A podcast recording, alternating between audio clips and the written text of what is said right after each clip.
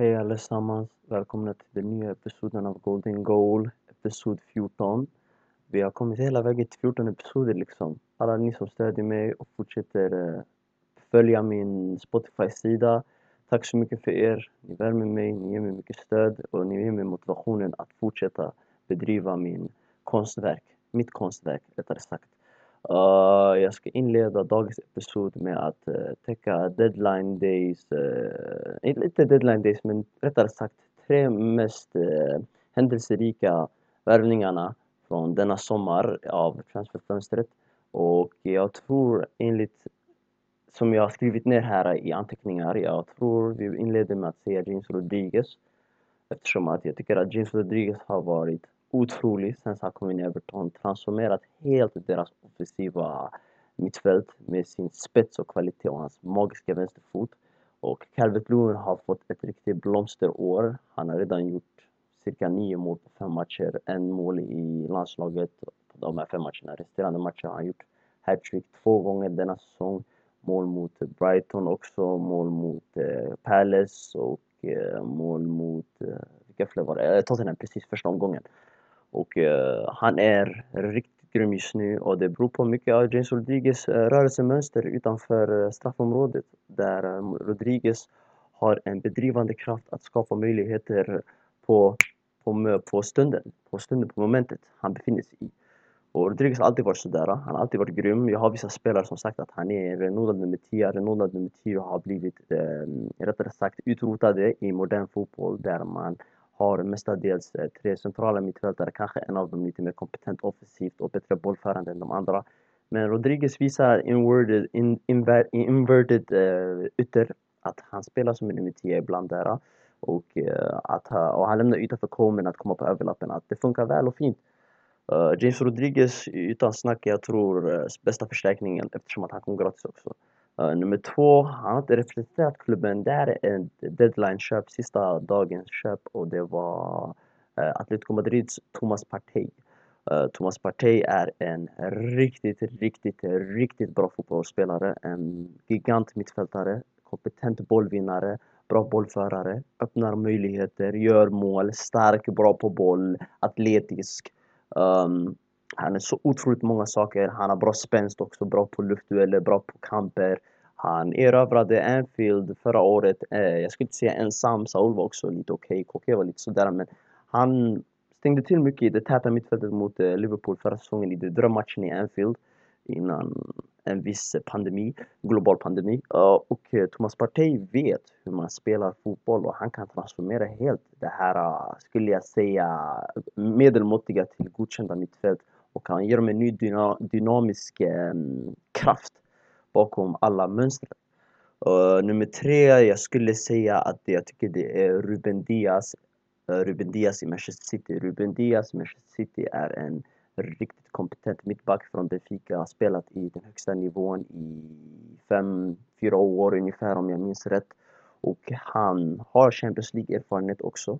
Så han erbjuder dem någonting annorlunda från vad Stones och eh, vilka fler har Otamendi som blev eh, utbytes plus eh, pengar för Ruben Diaz. Han erbjuder dem någon som är mer spelkompetent än dem, bättre positionsspel och eh, ah, han är kraftigare skulle jag säga men samtidigt också lite väl disciplinerad. Men han saknar bara den här ah, ah, misstagsbenägenheten han har i sitt spel. Om han kunde utforma utan att Guardiola kan få bort det där ur hans spel så är det en riktigt, riktigt bra förstärkning där bredvid en eh, Eh, Amerik Laporte och en Ake som extra depth i truppen. Eh, det här var tre värvningar jag tror eftersom att alla tre också har tidigare Champions League-erfarenhet också. Eh, James har redan hållit på att transformera Everton. Det är mer att se. Det är bara de första omgångarna, fyra omgångarna vad vi har sett lite. Han ser amazing ut. Thomas Partey, alla vet hur bra Thomas Partey är. Det är bara ignorant att ignorera hans excellens och elegans på en fotbollsplan. Um, och Ruben Diaz däremot också, han är riktigt grym alltså. Eh, blivande världsback skulle jag säga, 23 års åldern, fortfarande relativt ung, har inte kommit in i blomsteråren än. Och eh, jag skulle skicka vidare mina härliga honorable nomineringar till tre andra. Det är eh, Ashraf Hakimi från Real Madrid som gick till Inter. Han har börjat säsongen riktigt bra. Assist mot Benevento, assist mot Fiorentina. ingen assist mot Lazio eftersom att det var en tight spelmatch. Och eh, de har förstärkt den högre positionen nu med att Kandreva lämnade till Sampdoria med lån med köpsoption. Så Hakimi kommer inte, rättare sagt, och att Danilo kommer att flytta ner till trebackslinjen där, till höger av trebackslinjen och rotera med, eh, med är det Skriniar? Ja, det är Skriniar. Och um, Ja, Hashraf Hakimi perfekt wingback skulle jag säga. Uh, redan sett att han kommer att uh, ha lekstuga med sina fina löpningar där, passningar från Brozovic från planhalva upp till en viss Hakimi. Uh, Lukaku, uh, eh, Lukaku spelarna kommer ha det oerhört bra med Hakimi bredvid sig som assisterar. Och han har haft en bra assist, assist stats de senaste två säsongerna i Dortmund som har ett liknande uh, breddspel på kanten. Uh, nummer två, jag skulle säga Sergio Reguilón. Reguilón från Real Madrid också. Real Madrid de har såna här fina fotbollsspelare som inte riktigt blomstrar i klubben. Det är jätte, jättetrist.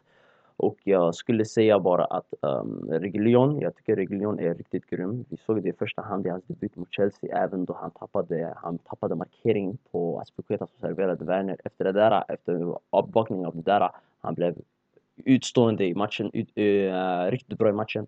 Och eh, mot Manchester United när han tunnlar Rashfords där 4-1 ledning och han stängde ner alla hot. Han stängde ner Greenwood totalt i höger, högerkanten. Det var andra gången deras, det var andra gången nu han stängde ner Greenwood som den där gången när han representerade Sevilla i semifinalen av Europa League. Och eh, det är mer att vänta av Sergio Reguilón. Han är definitivt en uppgradering på vad de hade tidigare i truppen av Vertongen nu som har blivit eh, gammal skulle jag säga, men fortfarande erfaren och en viss Ben Davis Eh, Sergio Reguilón är en riktigt grym fotbollsspelare. Jag tycker Sergio Reguilón. har växt på mig oerhört mycket från tiden i Real Madrid. Uh, nummer tre skulle jag säga Kai Havertz. Från det lilla vi har sett av Kai Havertz, vi vet att det finns jättemycket talang att hämta där. Uh, det skulle vara väldigt ignorant att säga att Kai Havertz är inte duktig eller är inte den här generationstalangen som han är. Det är bara att han behöver tid att anpassa sig in i det engelska spelet men så väl när han har gjort det. Vi har sett lite doser där Barnsley har ju hattrick även om Barnsley inte är ett riktigt motstånd som kan utvärdera hans eh, talang. Men en assist mot, i, mot West Bromwich och eh, straffskapande mot Crystal Palace indikerar på mer eh, väl från Timo Werner så småningom när han har kommit in i sin rätta roll där. Och ja, hans rätta roll är också en svår sak att bedöma eftersom att han kan spela 8, 10, eh, ST precis bakom den centrala anfallaren och på, eh, och på höger och på vänster. Men rättare sagt, jag skulle säga nog att han, jag tror han skulle bli riktigt grym där bakom i Dele Alli-rollen i, eh, i ett visst Tottenham. Där han spelar second, second forward bakom, om det är Abraham med hans link-up-spel eller om det är Werner med hans fart eller om det är Giroud med hans fina en-touch-spel. Uh, det är fortfarande mer att hämta från Kai Havertz. Jag tror personligen där är det hans uh, viktigaste position och Lampard måste våga spela han där kontinuerligt vecka in vecka ut för att Havertz ska bli den spelaren vi alla tror han kommer att bli. Och um, det var det från de här uh, sommarvärvningarna. ja, som sagt. Eh, Champions League predictions. Det är att Ajax Eh, eh, Liverpool och Atalanta och Midtjylland spelar i samma grupp. Uh, Leipzig, PSG, Istanbul, Başakşehir och uh, Manchester United spelar i samma grupp. Juventus, Barcelona, Dynamo Kiev och Feveroce som är ett ungerskt lag. Uh, vi har annars uh, Dortmund, Club Brügge, Zenit Sankt Petersburg, Lazio, Chelsea, FC Krasnodar från Ryssland, Sevilla och Rennes samt Porto, Manchester City, Olympiakos, Olympique de Marseille, eh, Borussia Mönchengladbach, Inter, Real Madrid, Shakhtar Donetsk, Atletico Madrid, Bayern München, Red Bull Salzburg och Lokomotiv Moskva. Uh, jag ville skicka bara också, eh, skänka bara en härlig nominering till en utropstecken den säsongen. Jag tror alla kommer lägga märke till den säsongen eftersom att förra säsongen han spelade bredvid Haaland och killarna i Salzburg. Det är Dominik Szobajic. Jag vet inte hur man uttalar hans namn, men Dominik, jag tror ni vet vem det är. Han är en vänstermittfältare, innermittfältare. Han är 19 år gammal förra säsongen. Han är 20 år, han kommer fylla 20 jag tror. Eller han är redan 20 år om jag har rätt. Um, han är ett riktigt stort utropstecken inför denna säsong och jag kan säga att han var riktigt bra mot Bayern München, Lokomotiv Moskva, Atletico Madrid i övrigt eftersom att han har visat i ungerska, nej, i österrikiska ligan med Salzburg att han är en bra fotbollsspelare under uh, varumärket Red Bull. Och uh, ja, då, det lutar sig mer eftersom att han ryktat starkt till vissa klubbar redan som Milan, att han är färdig och etc. Men transferfönstret är stängt tills vidare. Så vi kan bara hoppas på ett vidare genombrott från Dominik Szoboszlai, unge, ungerska fotbollsspelaren, den ungerska blivande världsstjärnan fotbollsspelaren. Uh, bästa matcherna från omgång ett bör vara, jag tror, på tisdag. Tisdag det finns Lazio och Borussia Dortmund. Båda lagen har ett bra fotbollsspel. Simone Inzaghi mot Borussia framför Två väldigt, hur ska man säga, offensivt präglade tränare som gillar att counter, gillar att göra counterattacking. Det kommer inte att vara vidöppet skulle man säga, men en taktisk duell om vem som kommer anpassa sitt spel inför, eh, eh, inför mot motståndet. Sen finns, sedan finns det Chelsea-Sevilla. Chelsea är ett öppet fotbollslag med Lampard i det. Men Lopetegis eh, pragmatism i, eh, i ett Sevilla där offensiven är blandar och ger men defensiven är solid kompakta med Jules Koundé som är en riktigt strålande mittback och Diego Carlos, Jesus Navas och eh, Sergio, Sergio Escudero som är en downgrade på Reguilon som de hade förra säsongen. Och de har Fernando Reyes i mittfält, Johan Jordan och Ivar Rakitic. De återvänder sonen Ivar Rakitic från Barcelona där. Och det blir bara intressant att följa Lucas Ocampos och Luke de Jong om de får igång målskyttet igen denna säsong. Uh, speciellt en Luke de Jong som behöver verkligen prestera eftersom att förra säsongen kan ses som en floppsäsong från han, Monir och uh, de andra. Yusuf Nzraoui eller vad han heter, marockansk fotbollsspelare. Men han är relativt ung. Annars finns det andra matcher på onsdag. Jag skulle säga Bayern München, Atletico Madrid är en riktig höjdare för vissa som gillar till de här storklubbarna gå in i en duell, hedlig duell om tre poäng. Uh, jag vet inte vem som vinner the outcome av den här matchen. Simeone kan mäkta till någonting mot den. Han är mer erfaren än vad hans flick är, men hans flicks Bayern München är maskineri. Bayern München är ett riktigt maskineri skulle jag säga. Uh, Inter, Borussia Dortmund, uh, Borussia Mönchengladbach, förlåt mig, Borussia Mönchengladbach. Uh, riktig höjdare jag tror. Uh, vi får se vad Ashraf Hakimi gör då mot sina gamla motståndare från Zweiter Bundesliga. Ajax Liverpool, en riktig höjdare där med Erik den Hag, den tyska dynamiten mot uh, Jürgen Klopp, den tyska giganten. Och eh, det blir intressant att se vad Liverpool mäktar till. Först de har Everton här nu på helgen på Merseyside, sen Ajax borta på Amsterdam Arena på onsdag. Det blir en riktig höjdare. Real Madrid mot Shakhtar, ah, jag vet inte. Uh, så det var i alla fall matcherna från bästa matcherna från omgång ett sannoliken och jag tippar på att jag tror Ajax Liverpool kommer vara underhållande tillsammans med Lazio, Borussia, Dortmund. Rättare sagt, ah, ja. Det satt för jag. Eh, ja. Finns det ju Paris Saint-Germain mot Manchester United som jag glömde att påpeka men den där kommer att vara väldigt ensidig från vad jag uppfattat det som idag. Väldigt ensidig från mitt håll, skulle jag säga, mitt perspektiv. Men jag må ha fel och jag hoppas att jag har fel. Uh, nu det finns till Europa League. Europa League är inte en riktig höjdare för ni som lyssnar säkert. Jag vet, vissa av er har sagt till mig, det är, ingen, det är ingenting vidare. Jag struntar i Europa League men jag skulle bara skicka då, skänka då en härlig, eh, inte genom gruppspel, eh, men jag skulle kunna berätta om vilka matcher som skulle kunna vara en höjdare. Jag tror Celtic Milan skulle vara en klassiker mellan två stora eh, varumärken som har varit eh, med där i de stora scenen i Champions League, men inte riktigt under de senare åren. där stabilt. Eh, jag tror Dortmund mot Lask eller Pauk, som jag tror de heter ordentligt på riktigt, ja, Pauk skulle kunna vara en bra fotbollsmatch. Grekerna de gillar att ställa till det bra mot engelsmännen ofta. Och det finns Napoli, AZ, Alkmaar och eh, jag skulle inte säga... Ja, ah, Bayer Leverkusen och Bayer Leverkusen mot Nice skulle vara underhållande. Bayer Leverkusen är ett bra fotbollslag även om de har sålt Havertz. Det finns Bailey där, finns Diaby där. Det finns andra övriga fotbollsspelare där som är väldigt duktiga. finns, eh, vad är jag glömde hans namn, eh, Tabsoba.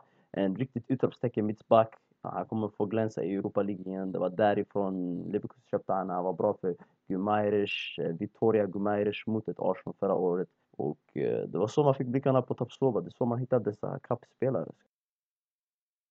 Allt mer hittar vi spelare som Anel Ahmedovic eller Sead Hakram Basanovic från Norrköping som väljer bort att representera Sverige där de är bosatta eller nationen de är födda i för Eh, föräldrarnas eh, vanliga nation eftersom att de, från min uppfattning eftersom att jag har aldrig varit en spelare i sån där position. Jag tror det har mer med att de vill inte, de vill anpassa, de vet inte riktigt om de får möjligheterna i ett Sverige som till exempel Frankrike där de vågar spela Aubameyang eh, Dubois, även om Dubois inte är så ung. De vågar spela, de vågar spela nya spelare i alla fall i ung, ung ålder för att kunna anpassa dem senare för eventuella mästerskap när en Mtiti eller en Varan kanske blir skadad eller har varit drabbade med lite eh, bekymmer. Så de är anpassade. Men Anel Hamidovic, han har inte fått chansen nu. Granqvist har varit borta ett tag och eh, Pontus har spelat utan att övertyga i det svenska landslaget exempelvis skulle jag säga. Men jag tycker om Pontus jag tycker han är en bra försvarsspelare. Men vart är möjligheterna på dessa Anel Ahmedovic?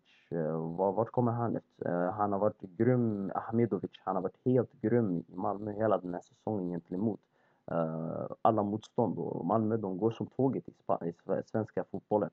Och han främst eh, då i Balkan ser han inte samma utmaningar där de har mest, jag vet inte, jag har inte riktigt koll men jag tror kanske Spajic, Emil Spajic eller någon som spelar i nationen och de där, det är inte så mycket ungdomar som kommer igenom den fabriken av nationen i Bosnien.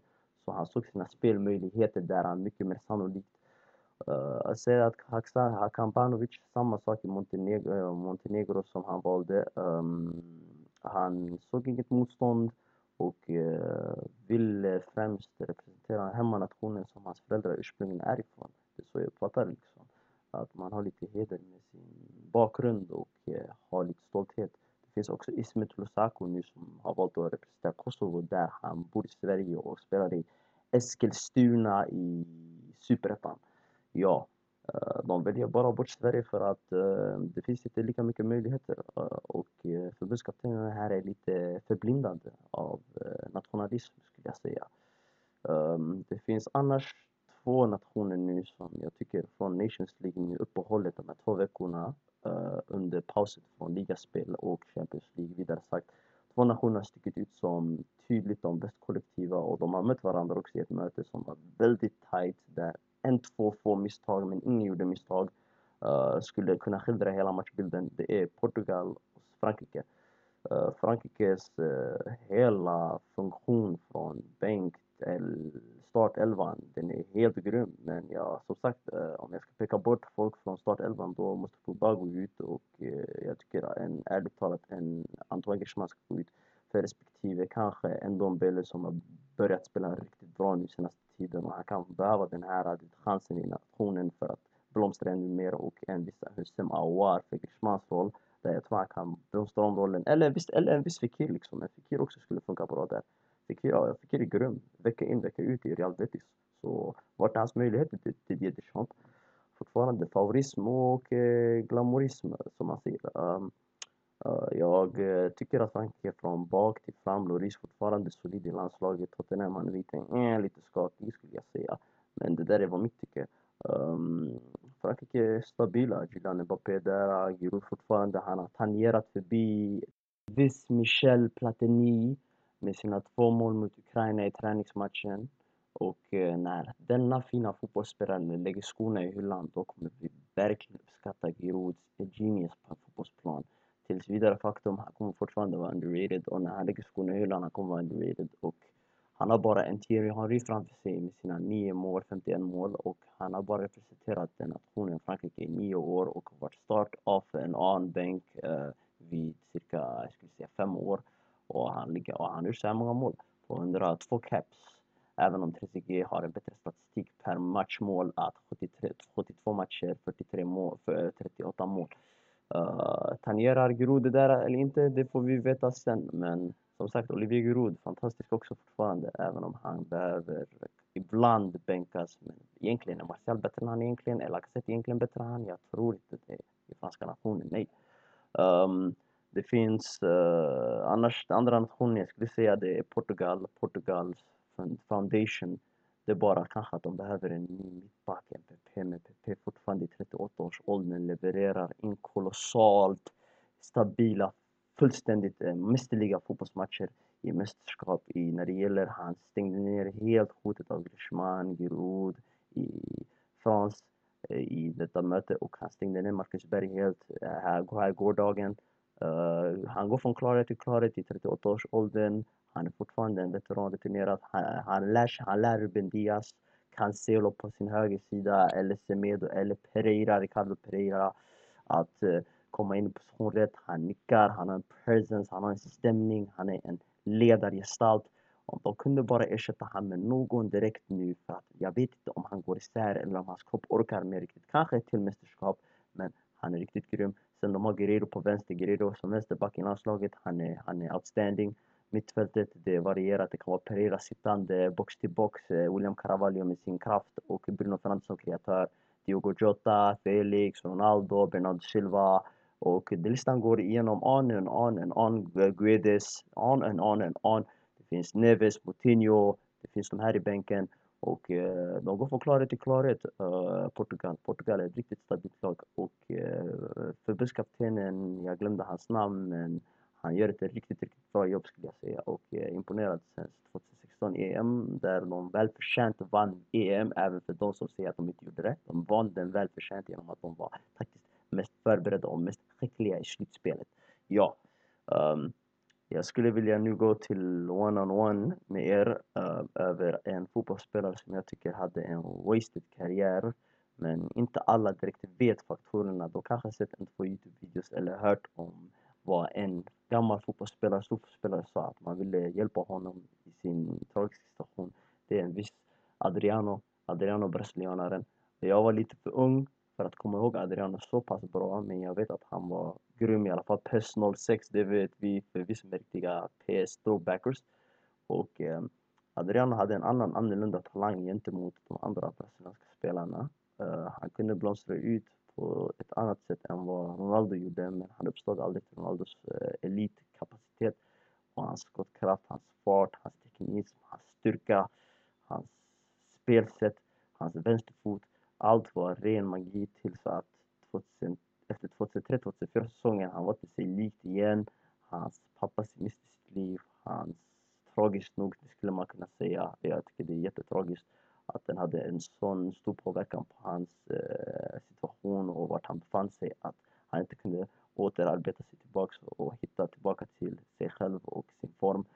Men ja, att Sinetti och de andra övriga försökte att eh, samtala med honom om att han skulle kunna återvända tillbaka till klubben efter att ha gått tillbaka till Brasilien och vilat och så. Men efter han kom tillbaka så var han inte riktigt samma jag och Milan, Inter beslöt sig, förlåt mig inte Milan, Inter beslöt sig inte för att förlänga hans kontrakt vilket ledde honom tillbaka till stränderna av eh, där i Brasilien där han kunde umgås tillbaka med sina ungdomsvänner och tappa alla sina förmö förmögenheter och förmågor i en fotbollsplan och eh, nu vad han sysselsätter sig med etc. har jag ingen aning om och det har egentligen ingenting med mig att eh, kommentera, kommentera för eftersom att jag tyckte bara att han kunde ha blivit en någonting wow även då nu pass vi har sagt att han är good. Men good kommer inte att vara med i rekordböckerna och historien framöver som en Ibrahimovic eller en Kaká eller Ronaldinho som sagt eller någon som har lämnat efter sig ett ark och ett intryck på fotbollsvärlden. Adriano kommer att så småningom inte bli helt glömd för hans egen glamour men han, Pato, Robinho är väldigt wasteful talents. Och det där var episoden från mig idag. Jag hoppas ni har en fortsatt trevlig dag. Kärlek och respekt. Peace, love and unity. Yes.